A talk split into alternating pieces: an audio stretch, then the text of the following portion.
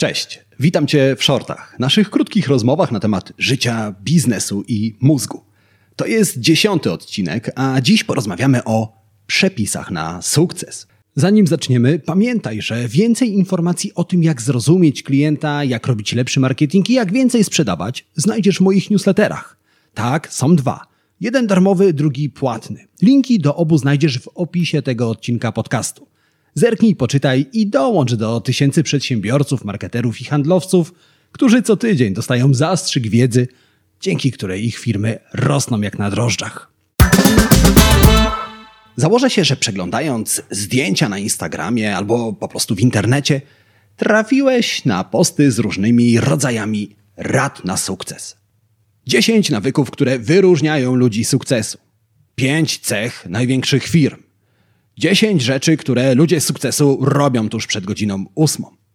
Dowiadujesz się z nich, że pobudka o 5 rano, 30 minut gimnastyki i 10 minut medytacji łączy ludzi sukcesu. Te rady przekonują cię, że wystarczy powtarzać to, co robią ludzie sukcesu, aby osiągnąć sukces. W rezultacie wierzysz, że rzeczywiście istnieją sprawdzone recepty na lepsze życie, lepszy biznes i po prostu sukces. To jednak błąd. Aby lepiej go zrozumieć, sprzedam ci pomysł na skuteczne oszustwo. Wyobraź sobie, że na swojej liście mailowej masz 2,5 tysiąca osób. W poniedziałek rano wysyłasz do wszystkich maila z informacją, że potrafisz ze stuprocentową precyzją przewidzieć kursy akcji pewnej firmy. Połowie z tych osób piszesz, że do piątku kurs spadnie, a pozostałej połowie, że kurs wzrośnie. Pod koniec tygodnia kurs akcji spada, a tym samym połowa osób z Twojej listy sądzi, że miałeś rację. W kolejnym tygodniu wysyłasz podobnego maila do części osób, które sądzą, że miałeś rację. Znowu piszesz, że kurs akcji pewnej firmy wzrośnie lub spadnie. Rzecz jasna, pod koniec tygodnia sytuacja się powtarza i około 600 osób sądzi, że miałeś rację dwa razy z rzędu. Przez następne dwa tygodnie powtarzasz ten sam scenariusz i wkrótce na swojej liście masz około 150 osób, które sądzą, że potrafisz bezbłędnie przewidzieć kursy akcji. Wobec czego prosisz wspomniane osoby, by wpłaciły na Twoje konto po 100 zł, a Ty w ich imieniu zainwestujesz i pomnożysz te pieniądze. Wszyscy wpłacają, no bo w końcu zdaje się, że znasz przepis na sukces. Ty jednak znikasz z pieniędzmi. Rozumiesz już, jak to działa, prawda? No dobrze pomyślisz, ale to przecież nie zdarza się w prawdziwym życiu. Owszem, zdarza się. Tyle, że my jesteśmy właśnie wspomnianymi 150 osobami, które wierzą, że recepty na sukces istnieją. Zapominamy jednocześnie o wszystkich osobach, które stosowały się do wspomnianych rad, ale sukcesu nie odniosły. Zapominamy również, że sukces zależy od wielu czynników. Czynników, których nie da się kontrolować, takich jak szczęście. Wiele osób sądzi, że aby się wzbogacić, trzeba podejmować ryzyko. Nawet jeśli ryzyko się nie opłaci, zawsze możesz wyciągnąć cenną lekcję ze swoich porażek, prawda? W efekcie jesteśmy oczarowani historiami osób, które ryzykując odniosły wielki sukces i wierzymy, że ryzyko jest jednym z ważniejszych składników sukcesu. Niestety, jednocześnie nie zauważamy innych osób, które również ryzykowały, ale zbankrutowały. To tak zwany błąd milczących faktów. Osoby, które zbankrutowały, pomimo że ryzykowały, raczej nie wypowiadają się na ten temat w mediach. W książce In the Search of Excellence z 1982 roku autorzy przytaczają przykłady 50 wielkich firm, które osiągnęły ponadprzeciętne wyniki finansowe.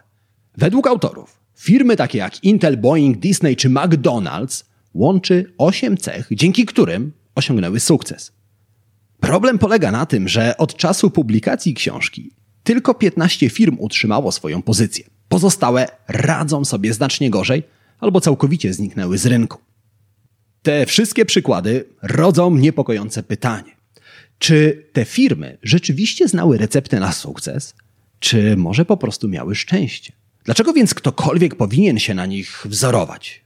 Wyciąganie wniosków tylko na podstawie historii firm i osób, które odniosły sukces, prowadzi do fundamentalnego skrzywienia rzeczywistości. Wierzymy, że istnieją recepty, przepisy, sprawdzone sposoby, które mogą nam pomóc osiągnąć wymarzone cele.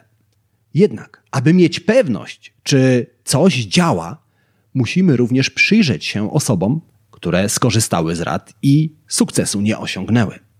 Weźmy na przykład szczęśliwe małżeństwa. Pary, które wspólnie dożyły sędziwego wieku, często słyszą od reporterów jedno pytanie: Jaka jest wasza recepta na szczęśliwe małżeństwo?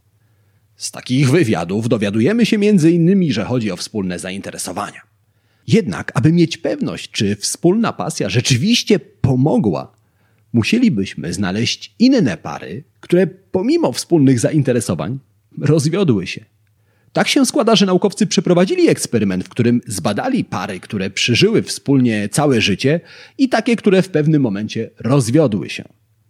Co ciekawe, badanie trwało kilkanaście lat i rozpoczęło się jeszcze nim pary pobrały się.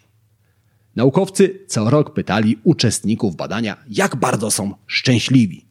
Okazało się, że pary, które rozwiodły się, nie były specjalnie szczęśliwe w żadnym roku małżeństwa.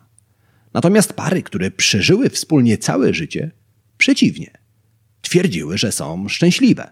No i rzecz jasna, nie ma w tym nic zaskakującego. W końcu ludzie rozwodzą się, gdy nie są szczęśliwi.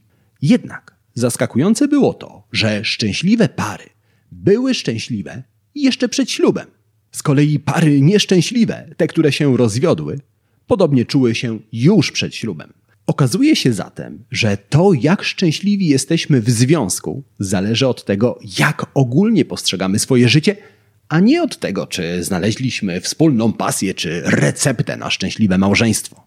To jednak nie jest rada, którą usłyszysz w telewizji śniadaniowej. W każdym razie, chcę, abyś zrozumiał, że recepty na sukces i szczęście należy traktować z rezerwą. Zazwyczaj rady zawarte w tego typu poradnikach opierają się tylko o doświadczenia i historie osób, które dzięki tym receptom sukces odniosły. Jednocześnie ignorują historię osób, które pomimo tych rad sukcesu nie osiągnęły. Co zatem możemy zrobić, żeby osiągnąć sukces? Musimy znaleźć własną receptę. I tego Ci życzę. Powodzenia.